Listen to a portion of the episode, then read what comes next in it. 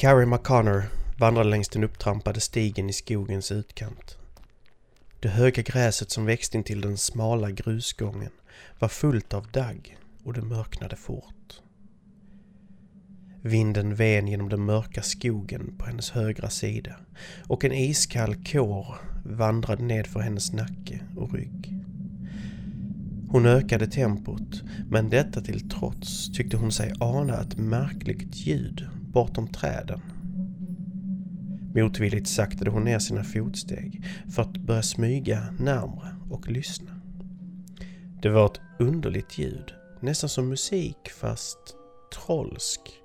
Festlig och inbjudande men förbjuden. Hon kunde minnas hennes farmors berättelser om det som levde där ute i mörkret, i det dolda.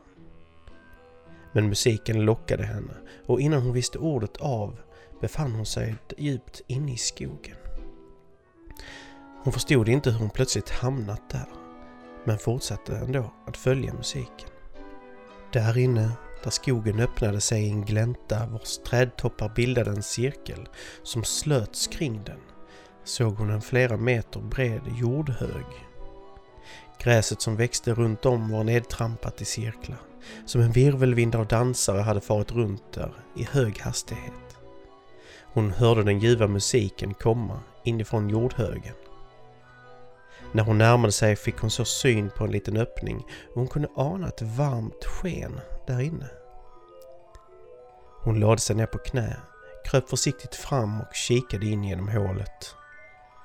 Där inne såg hon allehanda väsen, likt små, små människor med märkliga kläder och underligt hår svarta ögon och knasiga instrument som festade och dansade i cirklar. Carrie fnittrade när hon såg de små folken där inne och plötsligt stannade de alla upp. Musiken tystnade tvärt och de vände sig om och stirrade på henne. Carrie frös till för att sedan vända sig om och springa ur gläntan. Men bakom henne fanns bara en liten trädörr. På något märkligt sätt hade hon förflyttats in i de små varelsernas boning och nu stod de alla och stirrade på henne med sina svarta ögon. Hon kände skräck och förtvivlan bubbla inom henne och paniken var inte långt borta. När så en liten flicka, inte helt olik henne själv, kom fram till henne. Hon tog Carries hand och log ett brett leende. Då började musiken spela igen gladare och festligare än tidigare och tillsammans dansade de långt in på kvällen. När Carrie kom hem, fast hon hade svårt att minnas hur hon egentligen kom dit, var hon lycklig och varm inombords. Men känslan skulle inte vara länge. Hon ryckte i dörren till stugan där hon bodde, men fann att den var låst. Fönstren var mörka, bara en svag rök kunde anas stiga från skorstenen. En hund började skälla inifrån. En hund? tänkte Carrie och började backa från huset. Plötsligt öppnades dörren och den stora hunden väntade i öppningen tillsammans med en äldre, gråhårig och skäggig man. Det tog en stund innan hon kände igen honom. Pappa? frågade Carrie. Hans ögon tårades och läppen darrade när han kände igen henne. Sju år. Sju år, Carrie. Min lilla prinsessa. Carrie kramade sin far hårt. Var är mamma? frågade hon. Sju år, Carrie. Du var borta i sju år. Var i hela friden har du varit? Herregud, du har inte, du har inte åldrats en dag. Du kommer aldrig tro det, far. Men jag har varit och dansat. Jag har varit och dansat. Med det goda folket.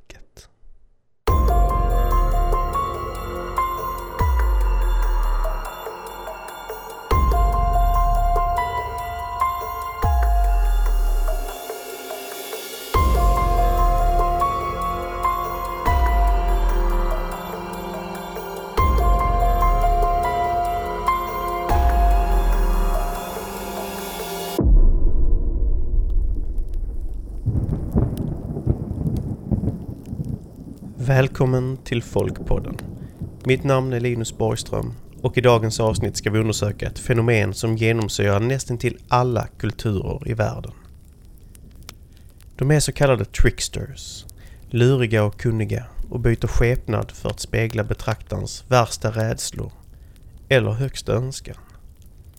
De har under tusentals år burit otaliga namn och verkar ha funnits i närheten av människan så länge vi existerat. De dolda, de gömda, de onda. Vättar och vittror. Troll och tomtar. Alvar, ljusalvor och svartalvor. Huldfolk och fenfolk. Fairies och the She. Vi känner dem som det goda folket.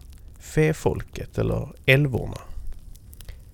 När vi talar om älvorna idag ser de flesta en bild av Disneys Tingeling framför sig. En vacker liten människa med vingar och trollstav som uppfyller önskningar och vill barnen väl. Men folktrons berättelser om fefolket är allt annat än mysiga och familjevänliga. Vi ska få höra berättelser om det som lurar i skuggorna. Som lurpassar på intet ont anande barn och ensamma människor i skogen. Vi börjar vår resa genom fefolkets land där deras närvaro är bäst dokumenterad och levande än idag. Nämligen på Irland.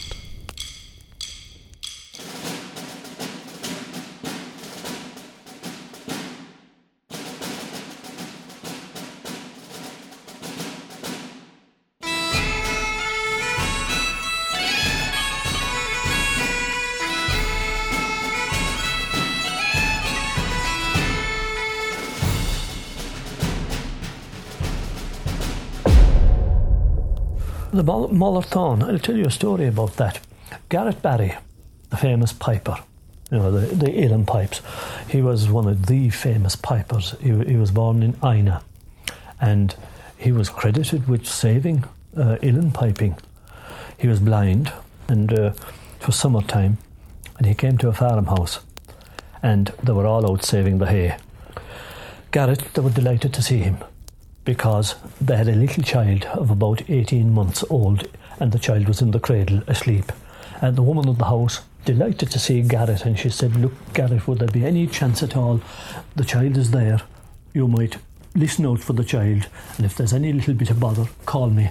And they're in the field next door, and there's something there on the table for you. And of course, Garrett was delighted to get something to eat. No problem at all, ma'am, he said. And to pass the time, he took out his pipes and started playing them away softly by the, by the fire. And he was playing there and eating a bite and drinking soup.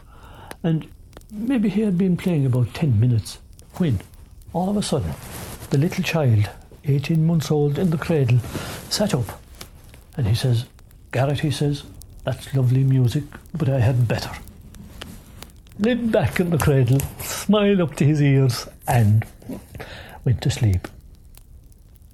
Garrett was listening away to this, of course, but kept playing and playing and playing. But uh, finally, anyway, the people out in the meadow that came in for their midday meal got a bit of quietness. Garrett whispered to the man of the house what had happened, what he had heard. And the man mm-mm, nodded, got the poker, and stuck the poker into the embers and when the poker was red hot, no, he uh, took out the poker out of the fire. And remember now, his wife and the children knew nothing about any of this. He took the poker out of the fire and jabbed it into the cradle immediately. The child in the cradle, so called child, both of the cradle and out the door in a run. And of course, the woman of the house, holy Christ, she thought her husband had gone out of his wits entirely. But, but, looking at this, my God, the child did. and then they had the scraping at the back door. Over she went to open the door, and there was her own child at the back door. Back. It had been a changeling. Vi hörde Eddie Lanihan, en så kallad Shenechean, en historieberättare, en folklorist som i över 30 år samlat på dessa historier och håller traditionen levande på Irland. Fefolket plågade de oaktsamma människorna på många olika sätt. Men det vanligaste motivet vi finner i sagorna är det fenomen som kommit att få namnet bortbyting, eller changeling. Det finns otaliga variationer på sagomotivet, men bröderna Grimm nedtecknade en version som tycks sammanfatta händelseförloppet väldigt väl. Det handlar om en mor vars barn blir bortrövat av älvorna eller fefolket. I dess plats har de lämnat en bortbyting, en av sina egna som alltid skriker, är blek, rynkig och mager och framförallt aldrig blir mätt. Den kräver mer och mer modersmjölk och inte ens mjölken från fyra mödrar räcker till. Mamman blir förtvivlad och frågar en klok gubbe vad hon ska ta sig till egentligen. Hon får då rådet att bära bortbytingen till spisbänken, tända en eld och däröver koka soppa i två äggskal. Hon gör som hon blivit rådd och plötsligt sätter sig bortbytingen upp i sin lilla krubba och utbryter. Jag må vara gammal som skogen i väst, men aldrig i mitt liv har jag sett något så märkligt som att någon kokar soppa i två äggskal. När bortbytingen inser att den avslöjat sin sanna natur kommer så felfolket och hämtar sitt barn och inom kort finner modern sitt egna barn återlämnat vid dörren. Många variationer finns på sagan. Som Ed Lennihan berättade så får modern ibland rådet att sticka ett glödhett spett i krubban och ibland skulle hon hänga barnet över den öppna elden. Oavsett vilket kan vi föreställa oss att många barn råkat illa ut när oroliga och skrockfulla föräldrar tolkat kolik eller andra barnsjukdomar som att de fått en bortbyting i hemmet. Anledningen till att barnen blev tagna finns det många historier om. Men ett vanligt bakomliggande motiv tycks vara att fefolket behöver nytt blod. Friskt blod för att kunna leva vidare i underjorden. De tycks också vara ute efter att med hjälp av detta blod skapa en slags hybrid. För att effektivt kunna träda över tröskeln och vistas i människornas värld. Detta beskrivs i utmärkt detalj i Joshua Cutchins bok Supernatural Child Abductions, såväl som Graham Hancocks stora verk Supernatural. Men hur gjorde man då för att skydda sitt barn mot älvornas klåfingriga beteende? Ja, efter kristendomens intåg hette det ofta att barn som inte hunnit döpas löpte störst risk att bli bortrövade. Men det finns spår av äldre traditioner som säger att det är innan barnen fått sitt namn som de är mest sårbara. Förutom dopet fanns det många små trick, såsom att slå korsade järnspik i krubbans sidor, pryda den med allsköns örter, sädeslag och blommor. Eller varför inte de trollkunnigas vanligaste knep, att skydda barnet med en ring av salt eller heligt vatten från en källa eller en dopfunt. Det mest skrämmande sättet däremot, som vi vet har förekommit, var att hänga en sylvass dolk i ett snöre ovanför barnets ansikte. På så vis skulle inte fefolket kunna lyfta barnet ur krubban när natten smög sig på. När man kom på fefolket i akten med att stjäla ett barn, eller i vissa fall stjäla modersmjölk, kunde man kasta ut linfrön, korn eller grus på golvet. Fefolket hade nämligen en slags tvångstanke. Ett oförklarligt maniskt beteende att räkna det som kastats ut framför dem. På så vis kunde man köpa sig tid att rädda sitt barn. Eller att mana bort dem. Något som vi diskuterat i avsnitt 1 av denna säsongen när vi pratade om Svartkonstskolan i Björkhult. Men faran var inte över bara för att barnen hade fått sitt namn. I de flesta traditioner i Storbritannien, Irland och Skandinavien var risken störst fram till dess att barnet fyllt sju år. Men det i resten av världen ofta talas om att risken var störst mellan 7 och 14 års ålder. Detta kan tolkas som att barn i ung ålder är mer mottagliga för övernaturliga fenomen. En slags naturlig fallenhet för ett öppet sinne. Något som är vanligen accepterat hos de som studerar sådana fenomen. Siffran 7 i form av årtal återkommer då det berättas om hur barn som försvann kunde dyka upp igen, men upp till sju år senare. För den bortrövade hade bara en liten stund passerat, men för resten av världen hade tiden flugit iväg. Något jag valde att berätta om i det egenkomponerade introt till avsnittet. För oss i Skandinavien är det fenomen vi hittills diskuterat sällan sammankopplat med älvor eller vättar, utan snarare något som trollen kan ligga bakom. Trollen ansågs ligga bakom otaliga oförklarliga fenomen och förutom bortbytingar talas det om de bergtagna som rövades bort men kom tillbaka till synes förändrade. På det stora hela är det dock väldigt ovanligt att någon återvände alls, men när de gjorde det var de aldrig detsamma igen.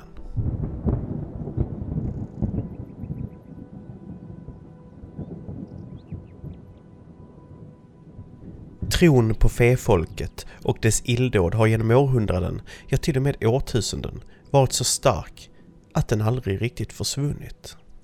Trots kristendomens intåg och senare modernismens och dess materiella och ateistiska paradigm trängt sig in i varje vrå av människans liv lever tron på det övernaturligas närvaro kvar i människans psyke. Det finns specifika fall där vi kan se hur tron på dessa väsen manifesterat sig genom historien. Under höjden av rättegångarna mot häxor i Storbritannien kan vi hitta fallet som kommit att bli känt som The Rye Case. Susanna Swapper och Anna Taylor stod inne för rätta för att ha utövat häxkonst. En anklagelse som inte var ovanlig förr i tiden. Häxkonst i detta fallet var empirisk medicin. En nedärvd kunskap om örters läkande krafter och de riter som fanns kvar i traditionen kring kunskapen. Anna Taylor, som var äldre, var den som ledde den yngre Susanna Swapper och lärde ut den kunskap hon besatt. Men det var under förhören och sedermera husrannsakan som fallet blev riktigt intressant. Anna Taylor bodde i ett trångt litet hus men hade trots detta avsatt ett helt rum som ett tempel åt fefolket. Här lämnade de offergåvor och utförde sina ritualer för att söka hjälp och råd från de väsen man trodde tagit platsen i besittning.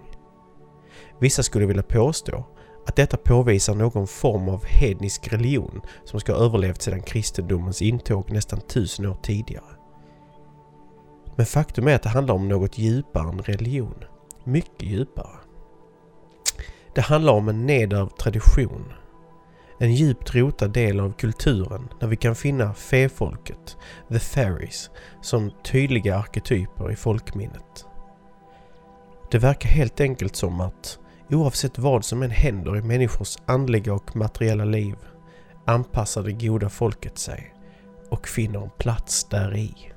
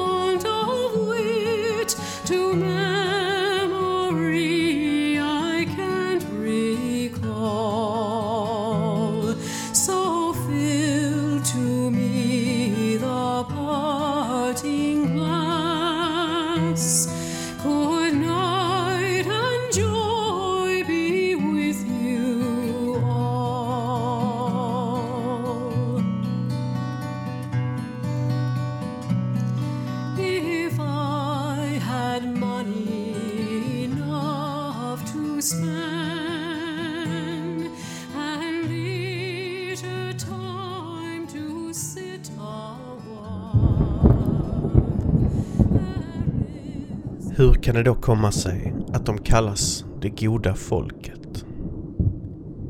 Epitetet är tyvärr inte en antydan på deras goda natur utan en representation av folkets rädsla för att förolämpa dem.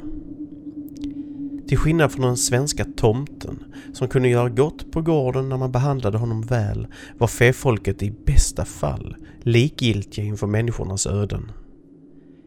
Det som dock kunde vara till nytta var de visioner som de kunde ge människorna som interagerade med dem.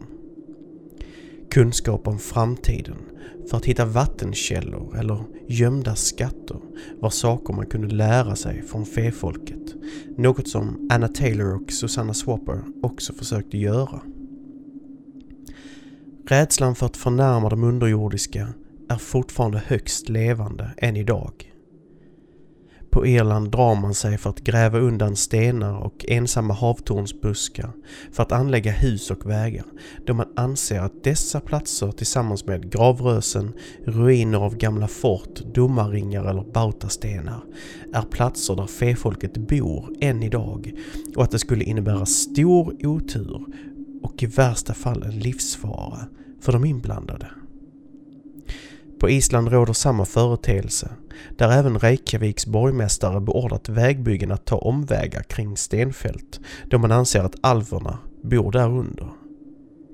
I vissa fall låter man klokt folk, trollkunniga eller medium övertala alferna att flytta till en ny plats då vägbyggena i allt större utsträckning inte längre kan stoppas. Vi hör här ett inslag från kanalen France 24.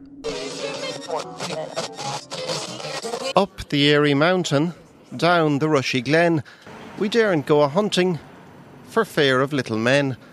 And Icelanders do not want to upset their little people. Environmental and pro elf activists are joining forces to protest the construction of a road they say will disturb an elf habitat. The road will run through a lava field where elves are believed to live. The belief in elves, trolls, and hidden people in general is a part of our culture. And nature should be preserved because of that. They are here destroying this lava field, and they are also destroying their beliefs. Iceland's Supreme Court ruled that construction should continue provided the lava rock or elf church be moved to another location. The National Road Authority generally prefers to use the carrot rather than the stick. But often uh, it happens that, I mean, people ask the elves to move to a new location and, and then we can do whatever we want because we have advised the elves that they need to move and then they usually do it and there's not a problem. One of Iceland's foremost elf experts explains why the creatures remain important for Icelanders.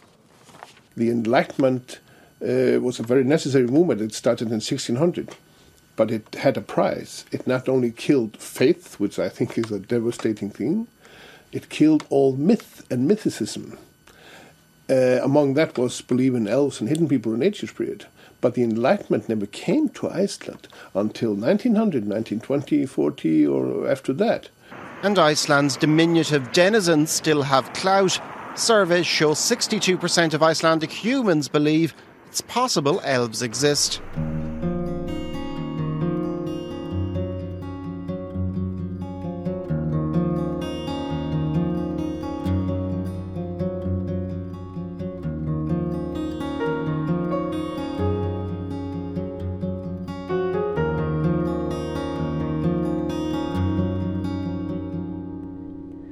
Folkloren kring fäfolket är i synnerhet bred, utan tydliga gränser eller spelregler.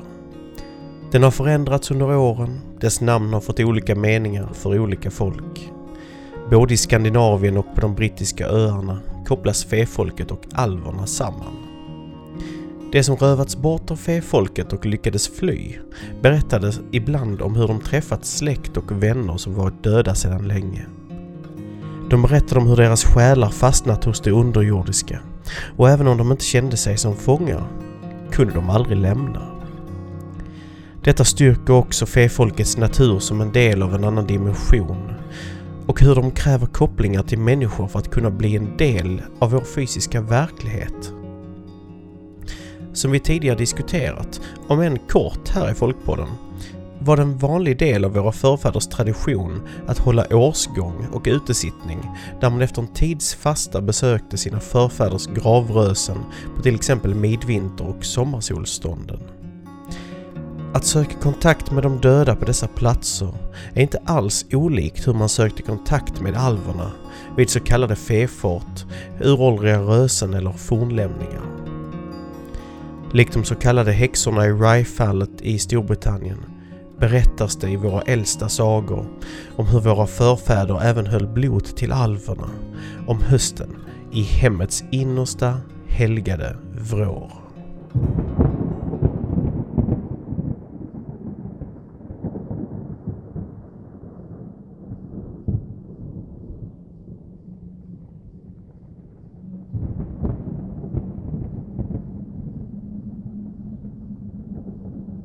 Reidk til hofs at heiva. Hurd was abter, en eik spurdunk. In setak nefnenin, niederluter fyrir utan. Ordgat kveist af fyrdum, flögt balk en tausugdu. Neiktumt neidir rekkar, heilagt vid daudeila. Gakatin kvaudekja, armi dränger in längra. Reidum bäck vid Odins, erum heidin vär reidi. Ryger kvaskin i eiga, otäck susmerknekti, alfablot sem ulvi, otvin i bei sinum. I Sigvard Thordssons dikt Österfararvisor från år 1020 hör vi om hur han färdades genom Svitjod, alltså en del av nutida Sverige, på uppdrag av Olav den helige för att träffa Sveriges regent Olof Skötkonung. När han anländer till gården Hov, som tros ha legat i Värmland eller Västra Götaland, lite oklart, för att söka härberge blir han nekad inträde.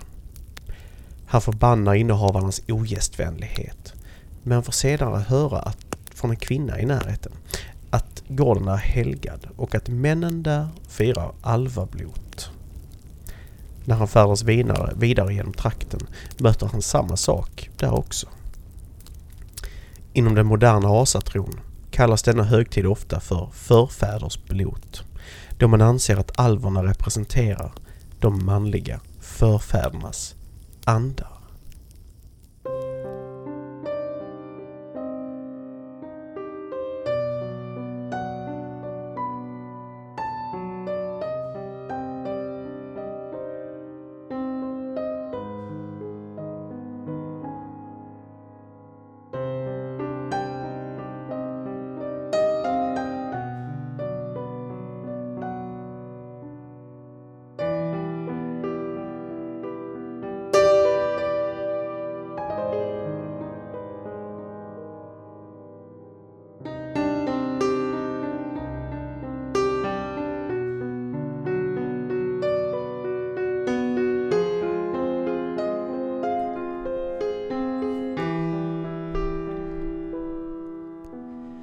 Folktron kan ofta ses som ett folks förklaring av händelser de inte kan förstå. Men när det kommer till tron kring fefolket som är så djupt rotad i vår kultur och tradition och vårt psyke, kan det då finnas merit i de påståenden som gjorts? Kan det finnas en kraft där ute i skog och mark som verkligen lockar ut ensamma vandrare? För att få ett möjligt svar på denna frågan måste vi öppna våra sinnen och blicka västerut över Atlanten. David Polidis är en pensionerad polis från San Francisco som under det senaste decenniet spenderat all sin tid åt att undersöka omständigheterna kring människor som försvunnit spårlöst i framförallt nordamerikanska nationalparker. I sin efterforskning har han vissa specifika kriterier för att ens börja kolla på ett fall. Spårhundar har kallats in men inte kunnat följa något spår, alternativt visat tydlig ovilja att göra det. Ett plötsligt oväder har kommit in från ingenstans kort efter att personen försvunnit. Och om personen hittas igen under sökandet finner man dem levande eller döda orimligt långt från platsen där de senast sågs i förhållande till den tid som passerat. I många av fallen hittas den försvunna personen på en plats som genomsökts flertalet, ibland hundratals gånger tidigare. Nästan som om de hade placerats där. Men några spår av en mördare eller vilddjur hittas aldrig. Det är som om något lockat den försvunna att vika av från stigen för att sedan försvinna för alltid. Ett av de kusligaste fallen, där berättas det om treåriga Jared Atadaro som försvann 1999 efter att de vuxna som varit med honom släppt honom ur sikte bara ett par minuter. Stora delar av nationalparken genomsöktes under lång tid men inte ett enda spår kunde hittas. Det skulle ta fyra år innan man slutligen fann hans kläder och skor på en plats som undersökts otaliga gånger förut. Det märkliga var att de inte visade något tecken på att varit ute i elementen i fyra år. Slitaget var minimalt och färgerna på skorna var tydliga som om de var helt nya. Otäckt nog fann man en, även en del av Jareds skalle och en tand noggrant utplacerad vid skorna. Det finns naturligtvis inte ord för känslan hos en förälder när ens barn försvinner spårlöst. Men oftast ses det som en tröst att de hittas igen, oavsett om det är vid liv eller inte. Men för Jareds far Allen blev mysteriet bara djupare, värre och framförallt konstigare efter fynden. Och han är inte ensam. Hundratals fall har hittills identifierats av David Politis och dokumenterats i hans bokserie Missing 411 och dokumentärfilmen med samma namn. Men vad har då detta med fefolket att göra? Jo, när man börjar dyka djupare i folkloren och de historier som finns kring dessa nyckfulla väsen finner man snart en röd tråd av likgiltighet inför mänskligt lidande. Brutalitet och ofta en till synes magisk förmåga att ta kontroll över människans vilja och leda oss ut i det okända. Vad berättelserna visar är att oavsett vilket namn vi ger dessa väsen tycks de fortfarande utöva sin makt över oss på något plan och vi gör bäst i att vara på vår vakt när vi är på deras territorium. Vare sig du kallar dem fefolk, troll eller alvar spelar ingen roll. De är hamnskiftare. Uråldriga väsen som alltid varit här. Och så vitt jag vet kommer de alltid att vara det.